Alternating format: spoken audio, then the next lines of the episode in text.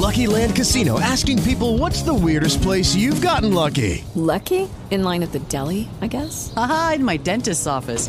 More than once, actually. Do I have to say? Yes, you do. In the car before my kids' PTA meeting. Really? Yes. Excuse me, what's the weirdest place you've gotten lucky? I never win and tell. Well, there you have it. You can get lucky anywhere playing at LuckyLandSlots.com. Play for free right now. Are you feeling lucky? No purchase necessary. Void where prohibited by law. 18 plus. Terms and conditions apply. See website for details. Lytter til en Powermind podcast. Programmer, der øger din bevidsthed og styrker dit mentale immunforsvar. I studiet i dag er mentaltræner Jørgen Svendstrup med nøglen til din hjerne.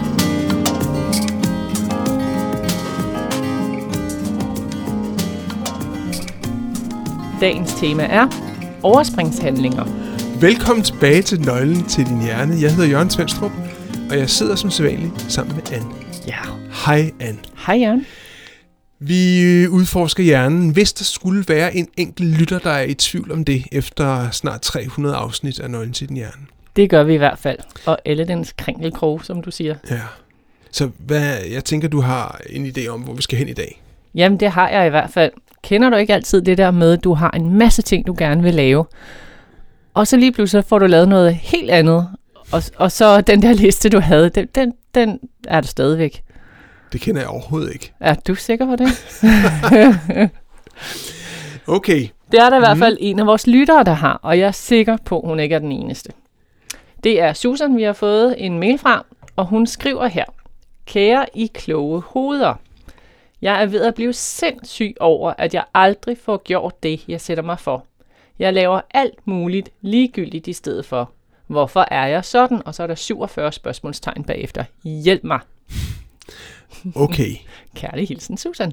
Der er altså et eller andet, der er en klokke, der ringer. For jeg synes, har vi har vi ikke talt om det her før? Jo, jo, vi har været omkring det før, ja. Det Altså- der med, at- man, nu skal man få gjort, øh, man skal få lavet de ting, man egentlig har sat sig for. Ja. Ja, og vi har også lavet et program om hukommelse. Det kunne være, at vi skulle genhøre det, hvis ikke vi helt kan huske, hvad vi har talt om. ja, det er nok også en god idé. Okay, Anne. Jeg tænker, at der er, at der er høj grad af identifikation med det her spørgsmål. For jeg tror, at jeg tror ikke, det kun er dig, der har det sådan. Nej, Og Susan. jeg tror, der er mange. Jeg tror også, der er rigtig, rigtig, rigtig mange os, der, gen, der kan genkende lige akkurat det her. I større og mindre grad. Ja, Altså hvis vi forestiller os sådan en, kan du huske, vi har talt om sådan en normal fordelingskurve, ikke? så vil der være, så tænker jeg, at der vil være nogle ganske få, som er, som aldrig oplever overspringshandlinger. Som til hver en tid bare gør det, de har sat sig for. ja, Det lyder nærmest måske utopisk, at det skulle være sådan. Ikke? Og så vil der være nogen, tænker jeg, som næsten aldrig nogensinde får gjort det, de egentlig gerne vil have gjort. Og det kunne lyde lidt som om Susan er lidt over på den side af normalfordelingen. ja, Ikke? Altså, at det er noget, at der er mange overspringshandlinger. ja, Og så vil der være en, en midtergruppe, som tænker jeg er nok af de fleste af os, som i større eller mindre grad kender til, at der er overspringshandlinger i en, i en hverdag. En helt almindelig hverdag. ja, Jeg, ja, så vidt jeg husker, så jeg et eller andet på et tidspunkt en undersøgelse af, at der var, at man havde lavet en undersøgelse på en arbejdsplads, og det var omkring 25 procent, som i udpræget grad oplevede overspringshandlinger. Og det er, jo, det er jo mange, det var så hver fjerde af os, der udpræget grad gør det, hvis, det, hvis man kan folde det ud. ja. Altså, jeg tror, det er de færreste, som, som laver alle de ting og projekter, de har sat sig for hele tiden. Altså, mund dog. Ja, men det, og det, men det vi skal kigge lidt på, fordi der er nemlig nogle faktorer, der er medvirkende årsag til, altså der, der afgør forskellen på, om vi gør det lidt, eller vi gør det meget. Ja, Og så er der en grundlæggende grund til, at vi overhovedet gør det, når vi gør det. Og kan du huske, nej det ved jeg ikke, det var nok været- før din tid, Anne, at, at vi lavede et, jeg lavede et afsnit, som handlede om, at hvis man, og- og det, nu stikker jeg lidt af, ikke? men ja. Jeg lover at komme tilbage til emnet. Godt. Hvis man har en petri-skål Ja. med en bakteriekultur i, ja, og man drypper noget gift ned i petriskålen, så vil bakterierne, de vil, trække, de vil simpelthen trække væk, de vil løbe væk fra giften, dem. Ja. der når det. Ja. Jeg ved, kan du, kan, har vi talt om det? Altså, øh, ja, Er der et eller andet, der der, ringer? der er noget, der dæmmer, ja. Ja. vil jeg sige. Ja, jeg har hørt den før. Og det, det, det handler om her, det er, at vi som biologiske væsener, uanset hvor store og hvor små vi er, så er vi simpelthen genetisk og udviklingsmæssigt designet til for hver en pris at undgå smerte. Smerte er simpelthen, altså det, det skal bare undgås, Ja. fordi det gavner os simpelthen ikke. Og det er, sådan, det er en, en biolo- biologisk betingelse, som altså gælder både bakterier og mennesker og alt muligt andet. Hånden væk fra kogepladen. Simpelthen, ikke? Ja. Og det, det, altså, og, det, og, og det er jo meget smart, at vi gør det, ikke? Fordi vi kan jo dø af det i, kan man sige, det er jo sådan en selvoverlevelse, selvopholdelsesdrift. Ja. Både bakterier og vi kan dø af faktisk at have en hånd på kogepladen, hvis ikke vi fjerner den. I sidste instans, ja. Ja, ja. Så, så det er meget, det er jo meget, det er jo en overlevelsesstrategi. ja. Og grunden til, at jeg nævner det eksempel, det er fordi, at det er nøjagtigt det samme, som i virkeligheden gælder for overspringshandlinger. Fordi når du fortæller, at du ikke, øh, at du kender det fra, hvis du har en stor bunke tøj, der skal vaskes, eller en opgave, du ikke mangler, eller du ikke magter, så er det, så er det i virkeligheden smerte, du føler. Det er psykologisk smerte. Og, og vi, vi har det med at tale om fysisk smerte, ikke? altså Ja. hånden på kåben, det kan vi alle sammen forstå. Ja. Men det, jeg tror, der er rigtig mange af os, som ikke nødvendigvis tænker over, det er, at en, når vi er, øh, er, er kede af det, har depression, eller er øh, føler afmagt, eller andre sådan af de her negative, triste følelser, så er det modsvarer det psykologisk smerte. Og det modsvarer i så høj grad, at man faktisk kan, altså man kan sammenligne fysisk og psykisk smerte en til en, selvom vi slet ikke, vi taler ikke om det på samme måde. Vi taler om fysisk smerte, det ved vi alle sammen, hvad er. ja. Men psykologisk smerte er også bare en anden måde. Det er en mental smerte, og ikke en fysisk. Og, og bare for at eksemplificere det, så kan man sige, jeg ved ikke, du kender det der med at tage en, en panodil mod hovedpinen. Jo. Ikke? Altså det er sådan, det ved, altså hvis jeg har ondt i hovedet, så kan jeg tage en panodil, og så forsvinder det efter en halv time, medmindre jeg lider af eller andet, der er værre. Ja. Hvis du er ked af det, øh, og tager en panodil, så dulmer det den psykiske smerte. Så bliver du gladere. Okay. Er det ikke interessant? Oh. Så det vil sige, hvis man er ked af det, så skal man bare gå ind og tage en panodil. Ja, det, ja øh, det, man, Eller- kan sige, man kan sige, det, det hjælper på det rent Ja. faktisk. Men panodiler er jo ikke sunde. Nej.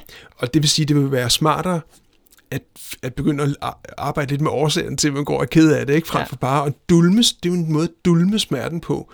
Jeg kan jo også bare begynde at drikke en masse alkohol, for eksempel. Ikke? Det er jo en anden måde at dulme sm- øh, mental smerte på. Ja. Fordi så flygter jeg fra smerten, fuldstændig ligesom bakterierne i pizzaskålen flygter fra smerten. Mm. Så, kan vi, så vil vi også som mennesker flygte fra smerten. Ja. Og det kan vi gøre blandt andet ved alkohol, eller vi kan tage en panodil, eller hvad det nu er. Ja. Eller vi kan lave en overspringshandling. Så det vil sige, og det vil sige, faktisk så vil en panodil hjælpe på, at du får, lavet, at du får vasket den der store bunke vasketøj op, men det er ikke sikkert, det er smart Nej, det tror jeg ikke. at starte på det. Ja. Så, en, så den grundlæggende årsag til, at vi overhovedet oplever overspringshandlinger, det er fordi, at det er, når det er en opgave, der er forbundet med smerte, så vil vi gøre alt for at undslippe det.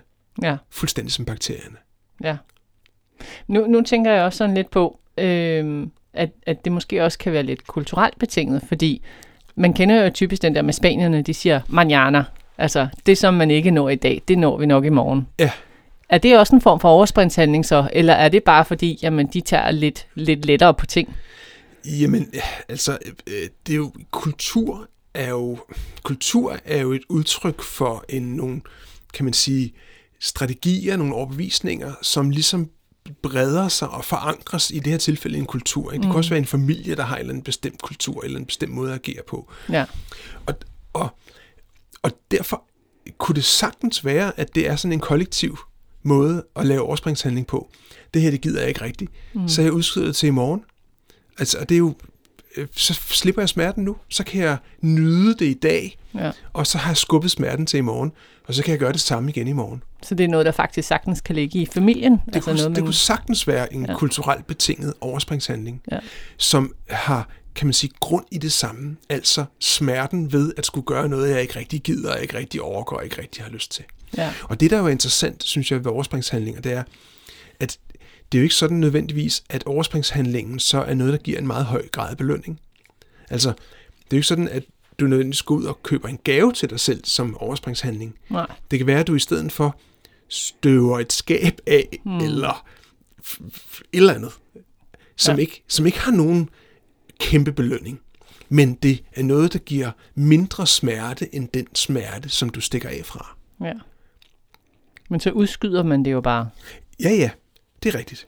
Og, og derfor så udskyder du smerten. Ja. Og her, der sker noget andet. Lige præcis der sker noget andet interessant, Anne, fordi når, når vi ikke gør, altså når, der, når vi ikke får gjort det, vi gerne vil, så bliver humøret dårligere. Mm. Og, og, og, og i virkeligheden bidrager det dårlige humør, altså det, det, det der faktisk er, der er en bestemt anden faktor her, som er ret central, og det handler om øhm, selvkontrol.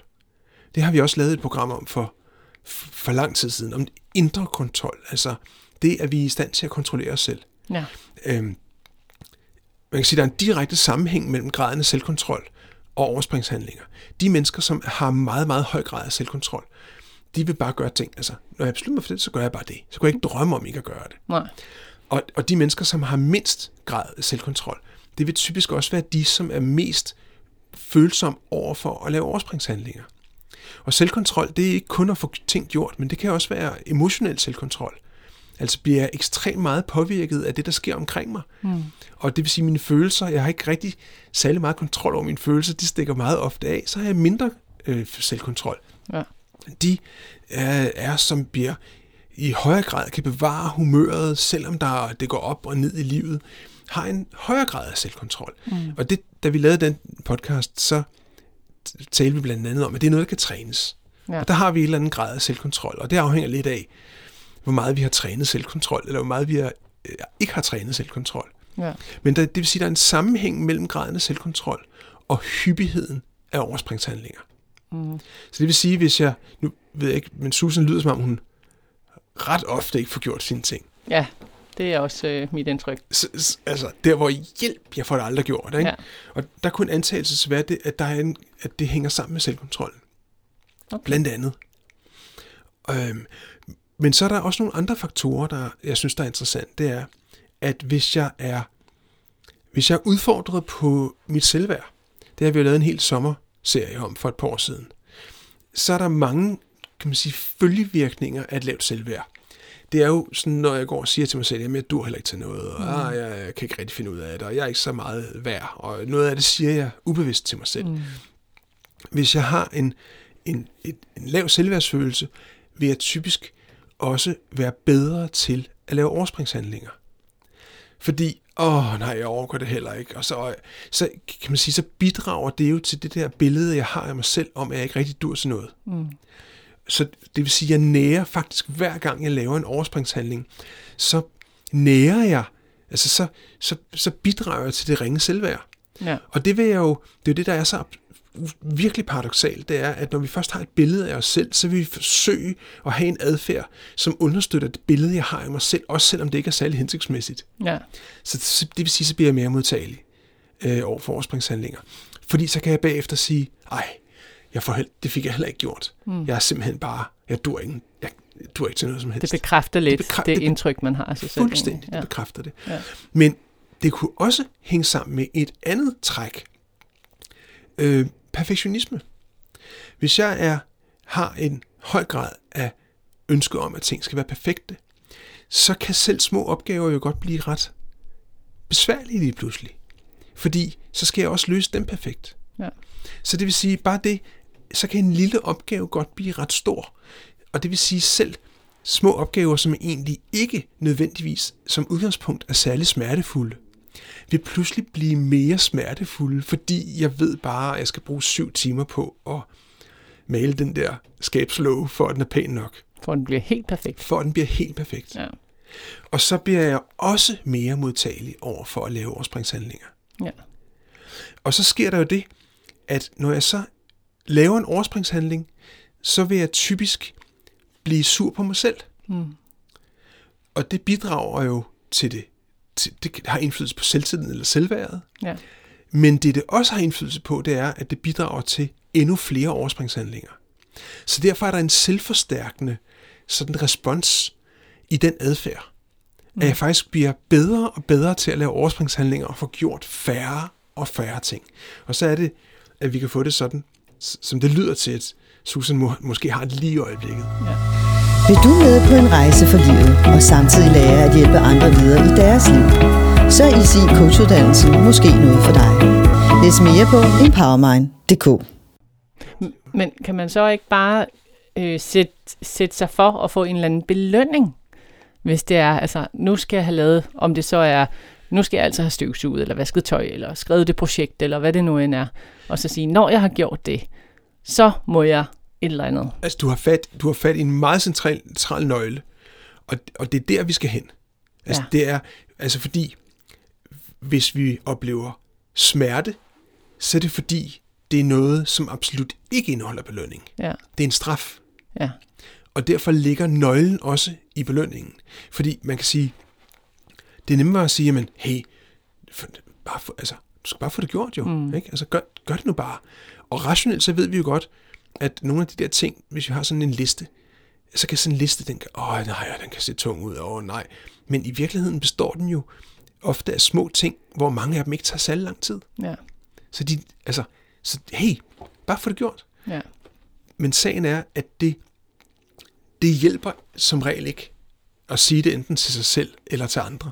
Nej, Fordi der er de her indbyggede, kan man sige, st- systemer og strukturer, at så længe jeg forbinder det med smerte, så vil jeg forsøge at gøre noget andet for at undslippe smerten. ja, Og det, derfor er nøglen, præcis som du er inde på her, det er, at jeg bliver nødt til at fjerne det, der giver mig smerte. Mm. Det er der, nøglen ligger. Ikke ved at gøre noget andet, der ikke giver mig smerte, men ved at fjerne smerten for det, jeg skal lave. ja, Og det, der, der er flere veje. Det ene kan være fuldstændig, som du siger, at når jeg har gjort det, så skal jeg have en is. mm, Altså, så det vil sige, at jeg gør det for at få en belønning. ja, Det betyder ikke, at det er særlig meget sjovere at gøre det, men jeg har måske det der lille minde om, at det bliver godt, når jeg har, er færdig. ja, Og, og her er der for eksempel, den strategi er der jo mange, der bruger, når de, når de skal ud og altså dyrke sport for eksempel. Jeg har ikke rigtig lyst til at løbe, men jeg ved, at jeg får det så godt bagefter. ja, Så det faktisk er i sig selv er en motivationskraft. Og, og når vi begynder at få en motivationskraft ind i opgaven, så reduceres smerten. Eller også accepterer jeg smerten, fordi der er noget, jeg gerne vil opnå. ja, En, en anden vej kan også være, i stedet for at give mig selv en belønning bagved, det er at finde ud af, jamen hvad er egentlig, hvad er egentlig hensigten med at gøre det her? Hvad er egentlig meningen med at gøre det her? Ja, Og det vil sige, at i stedet for at se på opgaven, som isoleret set kan være kedelig eller uoverskuelig, hvis jeg begynder i stedet for at kunne se på meningen med opgaven, øhm, eller hvad det egentlig vil give mig at have gjort den, det er jo to forskellige ting, ikke? Det Ja. ene, det taler om bagefter, det andet det taler om, at der faktisk er en mening ved at gøre det, så vil det også bidrage til, at smerten den reduceres. Så det svarer lidt til at tage en, en slags panodil.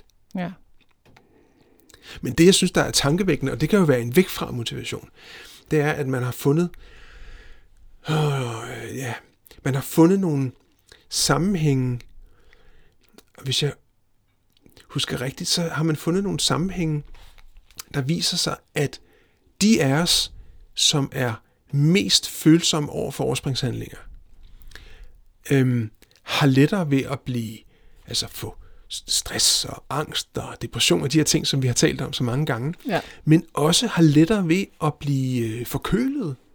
Det vil sige, der er altså en sammenhæng mellem immunforsvar. Der kan vi tale om, vi taler om et fysisk immunforsvar, øh, og det, det handler om forkølelse, men man kan også tale om et mentalt immunforsvar. Det er jo for eksempel stress og depression og sådan noget. Ikke? Ja. Altså, jo større vores mentale immunforsvar er, jo mindre er sandsynligheden for, at vi, at vi får de her psykiske ubalancer. ja, Lige så vel som, at jo bedre mit fysiske immunforsvar er, jo mindre sandsynligheden for, at jeg får øh, forkølelse. ja, Og, og der er set en sammenhæng mellem overspringshandlinger og både fysiske, altså somatiske og psykiske ubalancer. Og det fortæller jo, og det taler ind til en helt bestemt ting. Det er, at når, når du får lavet en overspringshandling, og bliver sur på dig selv bagefter, så har den surhed indflydelse på dit humør. Ja. Og når du bliver mere ked af det, eller mere ærgerlig på dig selv, eller i yderste konsekvens øh, selvhed, mm. ikke? Altså, hvor jeg simpelthen bare virkelig synes, jeg er det ringeste menneske, fordi jeg ikke engang får gjort små ting, der står på min huskeliste, Mm. så er der en en-til-en sammenhæng mellem den ressourcesvage tilstand, jeg sætter mig selv i, når jeg udøver selvhad eller selvkritik, og immunforsvar. Okay. Så det vil sige, at jeg bliver mere, jeg bliver simpelthen både fysisk og psykisk mere modtagelig. Øhm, og det vil sige, her taler vi, ligesom at, ligesom at smerten både er fysisk og psykisk, Ja. så betyder det altså også, at immunforsvaret både kan være fysisk og psykisk. Ja. Og at lige så vel, at, og at smerte presser immunforsvaret. Ja. Men, men kan man så ikke, nu, nu har du nævnt øh, to muligheder, at man enten kan give sig en belønning bagefter, eller at man kan gøre det, øh, altså at gøre det, gøre smerten mindre, kan man sige, ved selve opgaven. Med selve opgaven. Ja. Øh, kan, er, er det en del af det også? Lad os sige for eksempel, at man skal gøre rent, støvsuge eller et eller andet. Øhm, og så for eksempel gøre det, gør det sjovere. Altså sæt noget godt musik på, Ja. sæt noget øh, fjollet, øh, tag noget tollet, fjollet tøj på, og eller danse. et eller andet, øh, og dans, ja, præcis, ikke? ja. Altså så man gør det, Ja. så man gør det sjovere, Ja. så man faktisk har det sjovt, i stedet for at tænke på det der, åh, nu skal jeg til at støvsuge de der 242 kvadratmeter igen. Ja. Altså, Og jeg tror, jeg tror mange, mange af os har forskellige strategier ikke? Altså, til at få lavet de kedelige ting. Altså en af de, en af de største og vigtigste opfindelser overhovedet, tror jeg, i forhold til kedelige ting, det er jo øh, podcast eller lydbøger. Ikke? Altså hvor at det kan være rigtig kedeligt at skulle male et plankeværk, men hvis jeg kan høre en lydbog, en god lydbog imens, eller god musik, mm. ikke? lidt afhængig af, hvad man er til, ja, så kan det pludselig blive en god oplevelse at male et plankeværk. ja, Fordi jeg nyder det, jeg hører, uanset om det er musik, eller lydbog, eller podcast, eller hvad mm. det er. Jeg tænker, at lige nu, mens vi to sidder, ej, nok ikke mens vi sidder og taler, men mens der er nogen, der hører det, vi taler om lige nu, er der garanteret nogen, der har gang i at lave en kedelig ting. det kunne godt tænkes, ja. Ikke? Fordi det er jo det, podcast er fantastisk til. ja. Så, så, det, så det vil sige, vi gør en utrolig god gerning lige nu, fordi vi faktisk bidrager med noget, der reducerer smerten og dermed overspringshandlinger. Vi er den mentale panodil. Vi... det er simpelthen det. Det er simpelthen det, vi er. Ja, Og forhåbentlig en lidt sundere panodil end ja, panodilen ja på den det lange håber bane. vi på. Ja. Ja. Så det er derfor, vi gør det. Ja. Og så er der også en anden, så kan man, så kan man sige en anden lille, og det tror jeg, altså den har jeg en idé om, at jeg har nævnt tidligere, da vi talte om overspringshandlinger en anden gang, eller det, men vi ikke får gjort det, vi gerne vil, det er, at altså, der er jo sådan helt banale løsninger, men nogle gange så er de banale løsninger faktisk, øh, faktisk gode. Altså for eksempel, noget af det, der kan øh, øge lysten til overspringshandlinger, det er, hvis jeg har en masse ting i mit hoved, jeg skal have gjort. Mm. Og det vil sige, det virker helt uoverskueligt. Derfor så ser jeg lidt et afsnit af Netflix eller et eller andet, ikke? Ja, ja. for at bare smutte fra det hele. Ja, For mange vil det hjælpe bare at få det skrevet ned. ja. Og det er jo så banalt, så det, det altså, altså, kan det virkelig være nødvendigt at sige det. Mm. Men rent faktisk for nogen vil det allerede det gavne, fordi så bliver jeg, får jeg nedbrudt den store opgave til en masse små bitte opgaver. Det kan også hjælpe at få sat tid på. ja. Hvor lang tid tager det at lave den her opgave? Fordi, så kan vi sige, "Ej, okay, det her tager faktisk kun 10 minutter. Okay, så hvor, hvor smertefuldt er det så egentlig, når det kommer et stykke? Det er jo en anden måde at reducere smerten på. Ja. En tredje mulighed er at lytte til noget, danse, gøre noget andet imens, så det mm. bliver sjovere. En fjerde mulighed er, nu er vi i gang med opsummeringen, at huske på, hvilken mening det giver mig at få det gjort. Den femte mulighed er at finde ud af, hvad er det for en belønning, jeg får bagefter. Ja. Hvad, hvad, enten hvad giver det mig bagefter, eller hvad kunne jeg give mig selv i gave? Ja. Øhm, så derfor er der mange forskellige strategier. Og for nogen vil kunne en, et bidrag til strategien også være at lave det aller, aller, aller, aller kedeligste først. Så det vil sige, at når det er gjort, så er opgavebunken allerede nemmere. ja. Fordi jeg er så glad for, at jeg har fået gjort det, som jeg har aller, aller mindst lyst til. Ja. Men det er da en rigtig god strategi, det der med, hvis man nu har virkelig mange ting, man går og tænker på, ej, jeg har så mange projekter, jeg skal have lavet, og jeg magter det simpelthen mm. bare ikke. Ja. At man skriver det ned, som du siger, og så måske deler det op og siger, at den der, den, den, det der projekt eller den opgave tager faktisk ikke særlig lang tid. Så hvis jeg tager den, så er der én ting klaret. Altså at i stedet for at se helheden, Helheden, og ja. det, det overordnede billede, altså at man så dykker ned i detaljerne og, og tager små dele og fjerner det, når man får det gjort. Ja, og for nogen vil det være det helt rigtige, og Ja. for andre vil det være noget helt andet. Ja. Men, men kan man sige, som udgangspunkt, så det der med øh, at sige, "Nå, men, bare for det gjort. Det vil Ja. være det, der mindre, der virker mindst. Fordi vi skal huske, hvad det er, det kommer fra. Det er, Mm. at vi stikker af fra en smerte. Ja. Og det er simpelthen noget, vi er fuldstændig designet til at gøre, Mm. øhm, som hjælper os til overlevelse. Ja. Super spændende. Øhm, ja, jeg håber, at Susan hun fik en masse ud af det her, og øh, at hun kommer i gang med hendes projekter. Ja, ellers må hun tage en panodil. En enkelt gang er det i orden. Bare det ikke bliver hver dag. Ja, ja. Ellers må hun lytte lidt mere til os. Det var måske et bedre, i virkeligheden en bedre løsning. Ja, det tænker jeg også. Sæt også i ørerne, og Mm. så går det meget nemmere. Ja, men øh, tak for dit spørgsmål eller dine kommentarer, Susan. Øhm, og vi hører selvfølgelig meget gerne fra andre. Hvis der er nogen, der har nogle spørgsmål eller nogle ting, de går og spekulerer over, I er velkommen til at skrive til os på podcast. Tak for i dag. Tak for det. Du har lyttet til en Powermind podcast.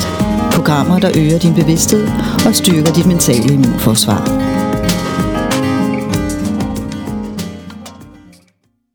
It is Ryan here, and I have a question for you. What do you do when you win? Like, are you a fist pumper? A woohooer, a hand clapper, a high fiver. I kind of like the high five, but if you want to hone in on those winning moves, check out Chumba Casino. At chumbacasino.com, choose from hundreds of social casino style games for your chance to redeem serious cash prizes. There are new game releases weekly, plus free daily bonuses. So don't wait. Start having the most fun ever at chumbacasino.com. No purchase necessary. Group. Void were prohibited by law. See terms and conditions. 18 plus.